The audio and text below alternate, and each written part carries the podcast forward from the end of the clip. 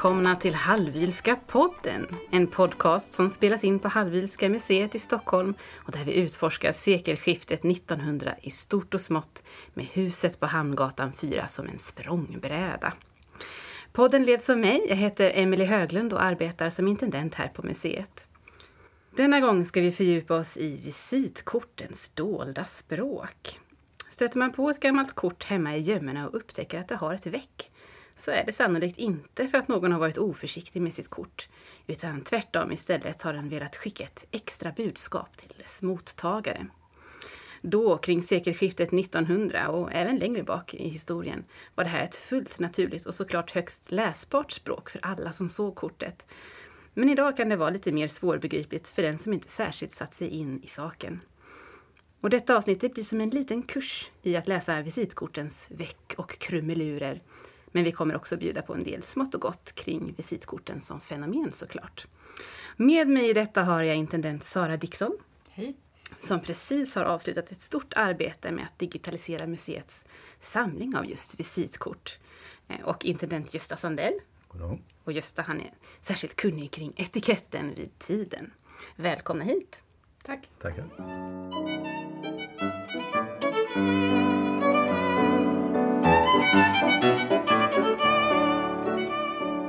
När man talar om visitkort idag så tänker säkert de flesta på ett kort som man använder i tjänsten. Men kring sekelskiftet 1900 så hade visitkorten även en funktion privat. Och jag tror att den här funktionen kan anas i själva ordet visitkort. Så jag tänker att vi kanske måste börja där. Vad var en visit egentligen i det här sammanhanget? Det var ett artighetsbesök. Eh, Formalise en formaliserad typ av besök som eh, användes för att eh, bekanta sig, för att eh, annonsera sin närvaro i stan eller att man skulle resa iväg och för att tacka för olika saker, beklaga sorgliga tilldragelser och rent allmänt upprätthålla det sociala nätverket. Som korta besök, eller hur också? Ja, de skulle vara kanske en kvart på sin höjd. Men inte nödvändigtvis ett besök heller. Överlämna själva visitkortet är att räkna som ett besök. Så man behöver inte själv vara närvarande egentligen vid tillfället. Man kan även skicka sin betjänt om man så tycker. Eh, men det finns många olika grader av besök kan man säga. Hur menar du då? Berätta gärna lite mer om det. Eh, en, en del är att bara säg, tala om för sin närmaste krets att nu har vi kommit in till stan. För det var ju så överklassen levde oftast, att man hade en stadslägenhet som, där man var på vintern och sen så framåt vårkanten för sommaren så åkte man ut till lantgodset. Och då för att säga till vänner och bekanta att nu är vi i stan igen så kunde man låta sin betjänt eller chaufför åka runt till bekantskapskretsen och lämna visitkort. Och då oftast på det sättet markera att man var tillbaka igen och Eh, mottaglig för egna visiter eller mm, fester och sådana saker. Då måste man ju också vara medveten om att det här är ett bruk i de övre klasserna och att eh, man kan gå hem till någon och, och eh, knacka på lite när som helst eller ja, på dagtid därför att det är inte värdfolket som kommer och öppnar heller. Utan det kommer vara en betjänt som kommer och öppnar dörren. Och det är till den betjänten man lämnar sitt kort. Och sen går betjänten med kortet till värdfolket och kollar om de vill ha besök eller inte. Om man nu går dit personligen alltså. Eh, och sen så kommer betjänten tillbaka och säger nej, de är inte anträffbara eller ja, det går bra att komma in. Så att det här, det här visiten har, vad ska vi säga, många nivåer. Som Gösta säger så kunde, kan kortet representera en person. Men eh, det kan också räknas som en visit och att man har gått dit med sitt kort själv men inte fått komma in. Vilka är det som gör de här visiterna? Vilka går på visit personligen? Mest kvinnor. Därför att eh, kvinnorna, eh, deras makar var kanske upptagna med olika ämbeten och arbeten eh, och det var kvinnornas roll att upprätthålla det här sociala nätverket. Så ofta så var det frun i en familj som tog med både sin makes kort och sitt eget och kanske deras gemensamma familjekort. Och sen så skulle man då dela ut eh, kort till både mannen och hustrun i, i familjen som man besökte ifall att det var ett par. Men berätta om den här militära... Ja, Det händer att även män det, gick det eh, händer att på även visit. män går på visit. Det, eh, dels så har vi ju naturligtvis eh, affärsmän, eh, men då har de oftast affärskort. Alltså det som vi idag skulle säga är ett visitkort där det står telefonnummer och adress och sådana saker. Eh, Det är ju ett affärskort. Eh, Och det kan man ju hitta män emellan. Eh, men då i samband med någon typ av affärsuppgörelse.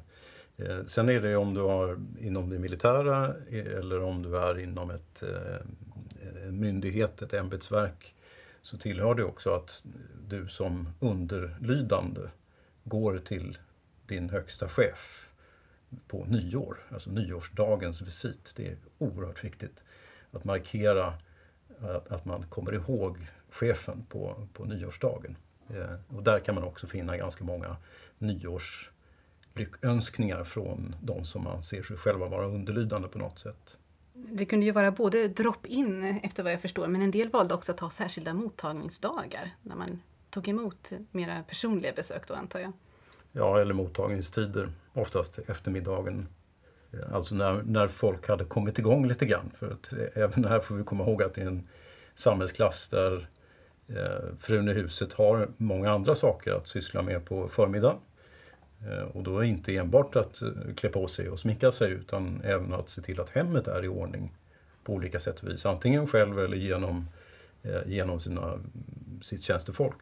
Så det är en hel del saker som man måste ta itu med på förmiddagen. Och då passar det väl naturligt att efter lunch, då har man möjlighet att ta emot visit. På. Så att allmänt så ansågs väl en, eftermiddagsvisit var, var det som man använde. Hur fungerade det här i huset då? Hur föredrog Wilhelmina ta emot sina visiter?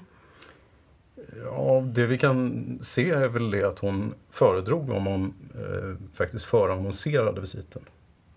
Alltså att man eh, antingen telefonledes eh, meddelade att man önskade komma på visit eller hade gjort upp på något sätt i förväg, med brevledes kanske. Så att det- en planerad visit var det hon föredrog. Sannolikt så var hon så pass engagerad i sitt museiskapande att hon inte gillade avbrott. När hon väl arbetade så skulle hon arbeta. Jag tänker det, för hon är ju faktiskt en yrkeskvinna även om hon inte är anställd av någon Mm. eller så. Men hon, hon arbetar ju hårt eh, med sitt museum och, då är, och ägnar sig kanske inte lika mycket då åt det här, eh, Eh, vad ska vi säga, eh, att klä sig fint och eh, ta hand om hemmet. Det finns andra som gör. Hennes sällskapsdam var väl ganska engagerad i den frågan. Eh, och se till så att tjänstefolket skötte, skötte sitt arbete och så. Men sen tänker jag också att Wilhelmina var väl troligen inte så där eh, fruktansvärt utåtriktad heller. Hon verkar inte ha haft så mycket nöje av småprat som inte handlade om, om, hennes, om de ämnen som hon var intresserad av.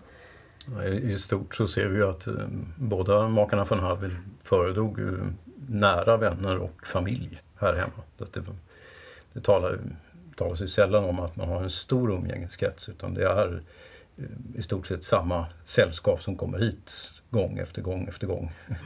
Och sen söndag, söndagmiddagarna med familjen och så vidare. Är det här någonting som man kan se avspegla sig också i eh, vilka kort som finns bevarade i samlingarna?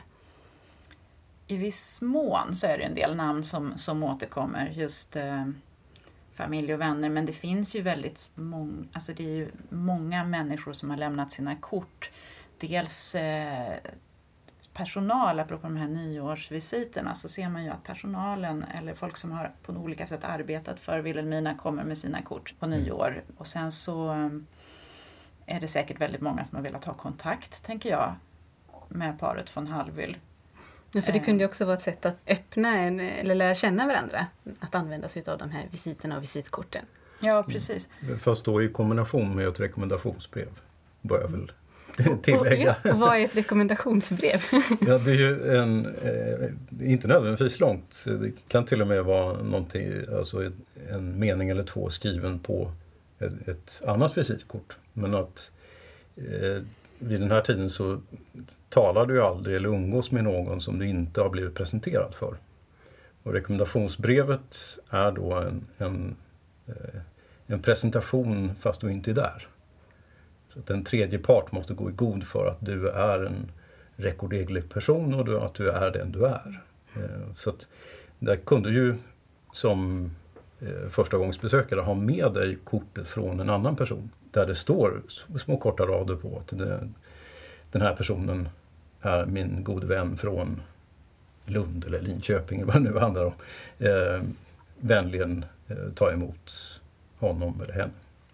Och det var ju så som Walter gjorde också när han skulle knyta kontakt med Wilhelmina, eller hur? Att han lämnade mm. över. Det började så eh, genom deras gemensamma bekant Fanny von Werth. Så att hon skrev ett rekommendationsbrev och Walter von Hallwyl åkte till Bad Homburg. Då presenterade sig för hennes far och sen så var sagan börjad. Lite matchmaking helt enkelt. Ja. Och apropå det så tänker jag att det, är, det låter så främmande med de här rekommendationsbreven men egentligen så gör vi ju likadant nu för tiden. Man går ju inte bara hem till någon eller ringer upp den och säger hej jag vill bli din kompis. Utan då går man ju igenom någon gemensam vän i så fall. Eh, man, blir, man blir presenterad eller man blir sammankopplad. Även när det gäller yrkeskontakter så är det ofta så att någon, jag ska mejla och, och vet, sätta er i kontakt, säger man. Och det är ju egentligen ungefär samma sak i en annan form. Möjligtvis kan man säga att det, det är inte fullt lika stort i, i vår tid. Ehm, det finns ju eh, som ett väldigt bra exempel att Johanna Kempe, alltså Wilhelmina von Hallwyls mor, Eh, få genom en bekant reda på att någon har spritt ut ryktet i Bad Homburg att Walter von Hallwyl och Wilhelmina Kempe hade träffats utan någon som helst presentation. Hon är fullkomligt upprörd och eh, rosenrasande på detta rykte. Och hon bedyrar att de minsann, han har kommit rekommenderad. Hon understryker det, att han har kommit rekommenderad. Eh, så det här var mycket, mycket allvarligt att mm. inte ha ett rekommendationsbrev. Det gäller ju inte att lämna sitt kort till fel person heller. För Det var Exakt. också hårt reglerat. Som eh, kvinna så var man tvungen att vara lite försiktig så att det inte uppfattades som att man bjöd ut sig på något sätt. Så om en gift kvinna går på visit till ett annat par så lämnar hon sitt kort till frun i huset och sen så lämnar hon mannens kort, två av mannens kort, ett till frun och ett till mannen i huset. Alternativt då deras familjekort. Men hon får inte själv lämna sitt kort till mannen i huset. Och en förlovad kvinna får bara lämna sitt kort till en man om hon också lämnar sin fästmans kort samtidigt. Och det finns en massa sådana regler. Eh, en kvinna ska inte ha sin adress på visitkortet för då har hon också på något sätt bjudit in till otillbörlig kontakt. Så att eh, det gällde att vara lite försiktig. Man måste veta vad man gör. ja, o ja. Och det gjorde väl folk eh, i de här kretsarna.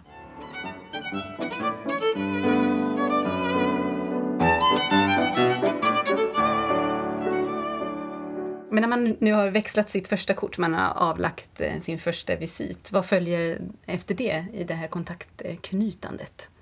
Egentligen kanske man först måste skicka ett kort mm. för det mesta. Eh, om man tänker att vi flyttar, vi flyttar till en ny stad och så, då, då, ska man kanske först bli rekommenderad att skicka sitt kort tillsammans med det här brevet och sen vänta på att få ett kort skickat eller avlämnat av en betjänt i gengäld. För det var ju då det som visade att de här personerna som man vill bli bekant med också vill bli bekanta. Sen kan man gå dit med sitt kort och lämna det och sen så får man vänta lite till och hoppas att de andra kommer tillbaka och gör samma sak. Och då kan man börja liksom inleda en bekantskap. Um, då är det okej okay att bjuda hem på middag? Skulle det kunna vara. Skulle kunna vara, ja. Inte nödvändigtvis så, men mm. det skulle kunna vara. Det, det är en början till en bekantskap. Mm. Men det är som Sara säger, att det är inte så att man bara skickar ut några kort till de som man tycker vore roliga att känna direkt. Det är inte riktigt som på LinkedIn eller någonting åt det hållet. Utan det, man, man bör ha en, en gemensam bekant någonstans som kan förmedla en kontakt mm. på något sätt. Och har man då bjudit på, på middag så då får man ju vänta på att bli bjuden tillbaks. Då kan man inte heller hålla på, det är väldigt noggrant med balansen så att man inte tvingar sig på någon. Det gäller att känna sig för helt enkelt och läsa tecknen. Hur länge har den här seden varit i bruk i Sverige? Ja, det är en mycket bra fråga. Men det, det, jag har sett kort från 1700-talets senare hälft. Eh, visitföreteelsen att gå på visit är ju naturligtvis eh, långt mycket äldre. Det är en del av det sociala samspelet i, i de högre kretsarna. Eh, men sen bruket med visitkorten i sig. Mm, det, jag skulle säga slutet av 1700-talet men ehm, eh, det, det, är klart att det kan ju ha funnits någonting längre tillbaka som ha, hade samma, eh, samma karaktär av, av, som ett rekommendationsbrev eller liknande. Visitkortets bruk förutsätter att man kan trycka upp kort i någon slags eh, industrialiserad form hos en tryckare. Eh, det är det som är ett visitkort, att man har en massa kort som är likadana, tänker jag. Mm. Och därmed kan de inte dyka upp innan moderniteten, men det kan finnas andra varianter, ja. som du säger. Om vi går till själva korten då, hur kunde de se ut? De är väldigt likriktade faktiskt, i alla fall de som finns i samlingarna här. Och i princip om man läser i gamla etikettsböcker så förstår man att, att, det, var, att det är utbrett också. Att alla, nästan alla kort är tryckta på vitt eller krämfärgat eh, papper eller snarare kartong. Eh, oftast bara med, med svart eller lite sepiatonad kanske skrift. Och de eh, innehåller så lite information som möjligt. De är ju som vi sa i början någon slags företrädare för, eller en symbol för personen eller vad man ska säga. Så man behöver inte skriva mer än att man kan identifiera ägaren. Så har man en helt eh, unik titel då kan man eh, till och med ha bara titeln och annars så tar man med sitt namn och, kanske, och, och sin titel om man är en greve eller friherre eller doktor eller så. Som kvinna får man då, då är man ju eh, sin mans hustru så då heter man ofta kanske fru Bertil Eriksson till exempel. Men med tillägget var man är född. Så att det blir fru Bertil Eriksson född Nilsson. Just det. Och det är en väldigt viktig eh, sak förr i tiden att kvinnan noterar alltid hennes mm. flicknamn. Mm. Och sen har jag också märkt, eh, och jag tror att det, det, är många eh, adelspersoner där flera stycken i släkten heter likadant. Så då brukar de ha namnet på, antingen namnet på sitt gods eller då den adress de bor i Stockholm på kortet. Då kanske bara står Strandgatan 15, Strandvägen 15. Eh, för då vet man att det är den eh, si och så och inte hans kusin som heter samma sak. Sen är det ju det här bruket att stryka ut delar av mm. kortet som jag tycker är intressant. Att om du är eh, nära vän så stryker du till exempel med en blyertspenna din titel och ditt efternamn för att om du är på du-basis med personen eller om du, som här i, i den Hallwylska familjen, om Ebba von Hallwyl, eh, äldsta dottern, skulle lämna sitt visitkort till mamma eller pappa, ja då, då stryker hon ju allt utom Ebba. För att hon är inte grevinnan von Hallwyl med sina föräldrar. Så man stryker vart eftersom man behöver. Mm. Vilket ser ganska lustigt ut för korten ser, ser rättade ut och lite mm ja, det ser ut som att det har blivit fel på dem i, i våra Eller ögon. att man har förlorat titeln helt plötsligt. Mm. Eller sin frustatus. ja. ja. ja. Format kanske vi ska prata om också. Mm. Um, Rektangulärt. Ja.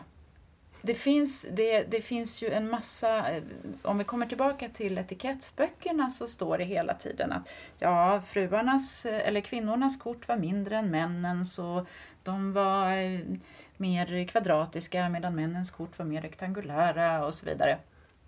Men sen när man tittar på samlingarna här så, så ser man att det där gäller inte alls faktiskt utan det verkar snarare gå mode i proportioner och, och former. Eller formerna, det är ju rektangulära kort men om de är mer långsmala eller om de är lite mer åt det kvadratiska hållet skiftar med under åren helt enkelt. Ja, och vad man använder. Från person till person. Ja, det också typsnitt och så. Så en rekommendation från etikettsböckerna men inget facit. Ja. Mm, just det. Eller kanske, för många av de här etikettsböckerna är också översatta från utlandet och då ser vi att en hel del av det som, som står i då svensköversatta etikettsböcker kanske inte riktigt gäller i det svenska samhället. Mm, intressant. Wilhelmina och Walter, de hade ju flera olika kort var också. Ja, olika språk. Men det har ju att göra med att de var ute och reste så pass mycket. Och inte minst att eh, Walter von Hallwyl var från början tysk och franskspråkig. Så det var helt och hållet naturligt att, att ha visitkort på franska till exempel för utlandet och svenska här. Ja, vi kanske ska förtydliga då att de har, kort på, de har individuella kort på svenska och på tyska och på franska. Sen har de också parkort, alltså gemensamma kort på åtminstone svenska och tyska tror jag. Mm. Ja. Men sen har de också sorgekort. Ja. Det har vi inte pratat om ännu. Att det är också något som signaleras via korten om man har sorg. Ja, då, då, då lät man trycka upp kort med sorgkant, alltså en svart kant runt hela kortet. Eh, och så använde man de korten i något år efter att då ett dödsfall hade inträffat för att signalera att man hade sorg. Det är eh, sorg i familjen eh, som är en sorgkant. Och det gällde inte bara visitkort utan även kuvert och brevpapper och allting som man kommunicerade med skulle ha sorgkant. Eh, och därtill också klädseln skulle vara tydligt markerad med att man hade sorg. Så Det är genomgående att man anlägger sorg ett år efter närstående stöd. Finns det då restriktioner i det sociala livet också? Hur, hur oh ja, man kan ja, visitera? Så jag tänker att det kan vara viktigt att Ja, visa vad man bör göra och inte göra om man ska gå på fest eller mm. vara glad. Vad nu handlar, handlar om. Det är viktigt att gå på visit till en som har sorg och mm. lämna sina kondolenser. Det, det är många av visitkortinsamlingarna här som kommer till exempel när Walter von Hallwyl har gått bort. Ehm, då kommer alla som familjen känner i princip och lämnar sina kort.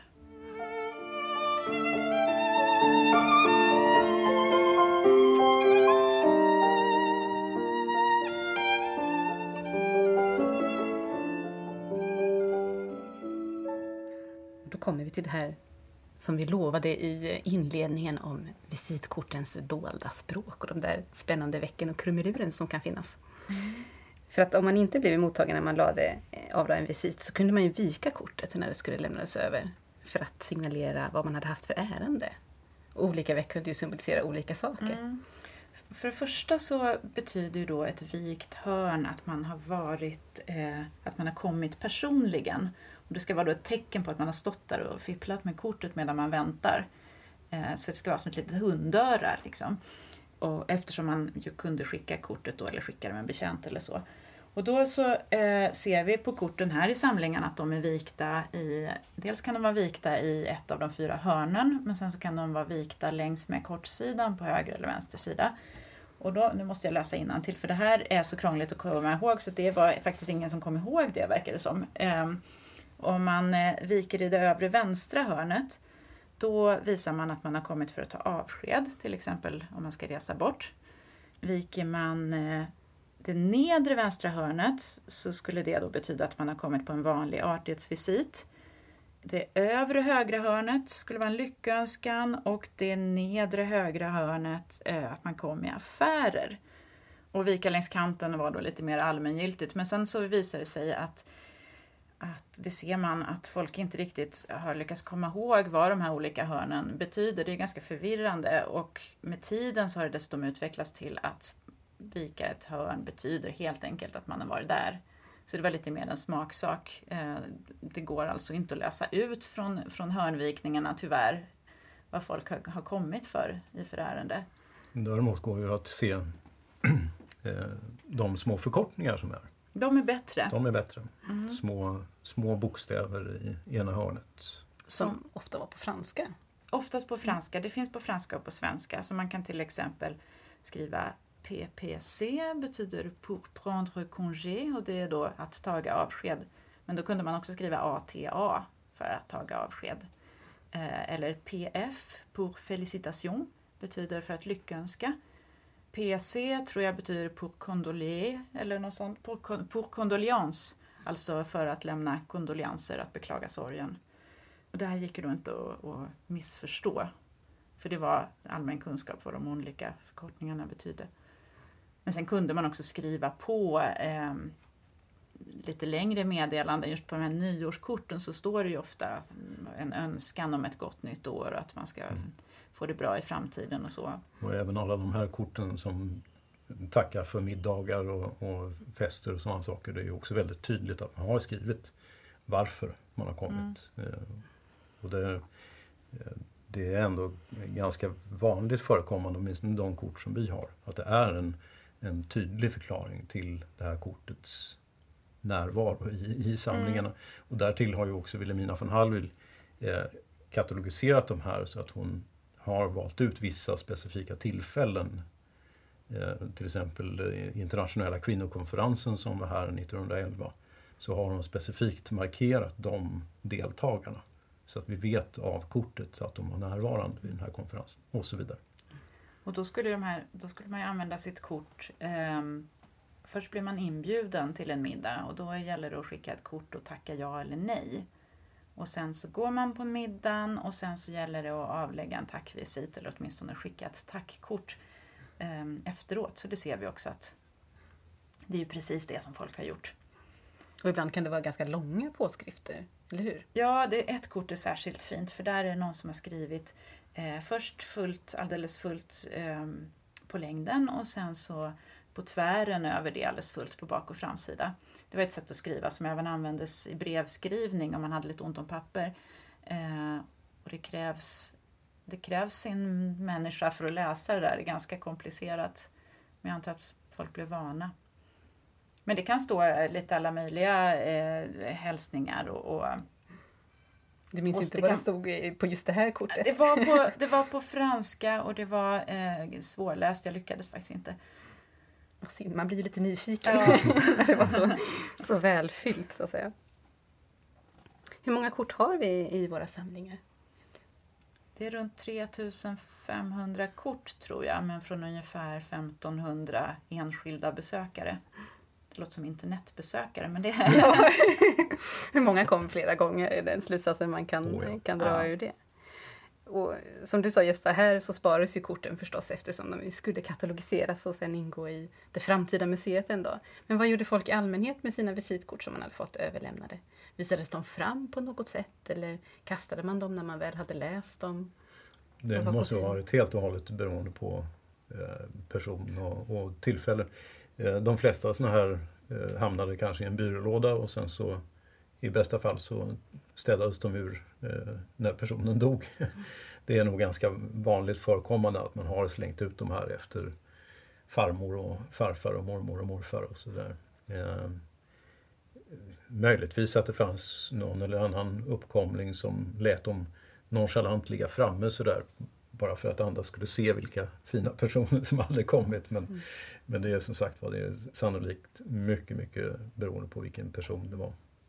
Jag tänker att om man var väldigt populär också och hade mycket besök så måste det varit lite knepigt att hålla reda på alla som man skulle alla besök man var tvungen att återgälda och vems tur det var och vem som skulle bjudas in till det ena och andra. Det fanns säkert många olika system som sagt. Det kan ha funnits skäl att spara dem bara för minnet så att man inte tappar bort sig helt enkelt. I. Jag tänker att jag skulle ha gjort det i alla fall tror jag. Mm. När du nu har gått igenom det här materialet så har det någon spektakulär upptäckt som du har gjort? Ja, någonting. faktiskt. Vi, vi upptäckte en sak som, eh, som ingen visste om här på museet och vi har inte haft, haft tillfälle att undersöka det här än så det är fortfarande en, en upptäckt i vardande. Men eh, det var ett eh, visitkort från Wilhelminas mamma Johanna Kempe från, jag tror det är 1898 eller 1899, precis när, när Hallwylska palatset står färdigt så har hon skrivit på det här kortet att eh, eh, räkningen för eh, detta år påför, halva räkningen för detta år påföres mitt konto. Och då kan man tolka det som att, eh, nu minns jag inte exakt hur hon formulerade man kan tolka det antingen som att hon betalar alla räkningar för huset, eller hälften av räkningarna för huset det året, eller att hon faktiskt har betalt halva palatset. Eh, det här måste vi gå till böckerna och undersöka för att eh, det är i så fall stora nyheter. Och mycket generöst får man ju säga. Mm. Ja, mycket generöst. Ett visitkort som eh, Ja. Säkert blev glad av att få i sin hand. Ja, och det är ett sånt anspråkslöst litet kort med en anspråkslös liten kommentar där man tänker att gick hon inte till sin dotter och sa det här? här Vet du, nu ska du få ett halvt palats. det är därför jag tänker att det kanske, kanske, kanske har hon formulerat sig på ett sätt som gör att det låter bättre än vad det är. kanske har hon bara betalt hälften av snickerikostnaderna för någonting eller så. Men Man vet aldrig. Jag skulle nog kunna tro att det faktiskt är halva huset. Eh, Men då är det alltså hälften av 1 530 103 kronor. Med dåtidens Med dåtidens det. pengar. Det är alltså en svindlande summa pengar. Mm, en liten yta ryms på visitkorten men på den kan man skriva tunga saker. det här känns som att det nästan kan bli ett ämne för någon framtida Ja. podd om vi, om vi lyckas reda ut vad som egentligen vad det innebär, det här meddelandet. Ja, när vi vet så får vi nog gott eh, återkomma så att inte En våra lyssnare måste... enkelt. Ja, precis. Ja. En helt- En helt annan Varför inte? genre att utforska. Ja, tiden rinner iväg för oss och det börjar bli dags att runda av för denna gång. Och för er som inte fick nog av det här ämnet eller som inte nöjer er med att få detta berättat i poddform utan vill ha mer så finns det en digital utställning på vår hemsida som Sara ligger bakom. Och där kan ni se exempel på olika sorters kort, vikningar, överstrykningar med mera, med mera. Tack för att ni har lyssnat till oss denna gång. Och tack Sara, tack, Gösta för att eh, ni delade med er av ert kunnande kring detta. Det var roligt att vara här. Tack så mycket.